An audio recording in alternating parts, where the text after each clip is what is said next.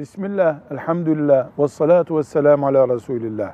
Hac ibadeti insanın bedeniyle yaptığı bir ibadettir.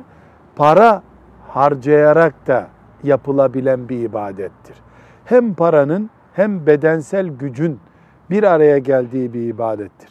Bir Müslümanın hac ibadetindeki bedensel bölümü, bedenle yapılan bölümü yerine getirmesi mümkün değil denecek kadar özrü varsa yaşlılıktan, hastalıktan ve benzeri bir engelden dolayı bu Müslüman bir başka Müslümanı sen bu parayı al benim yerime hac ibadetini yerine getir diye vekil göndermesi caizdir. Hac ibadeti bu şekilde vekaletle yaptırılabilir. Ama oruç vekaletle yaptırılamaz.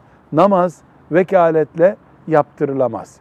Fakat isteyen hacca kendi gider. İsteyen de bir vekil gönderir demek değil bu.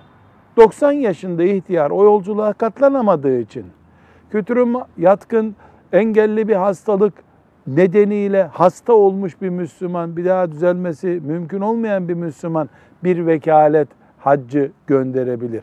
Bu şekilde anlayalım. Velhamdülillahi Rabbil Alemin.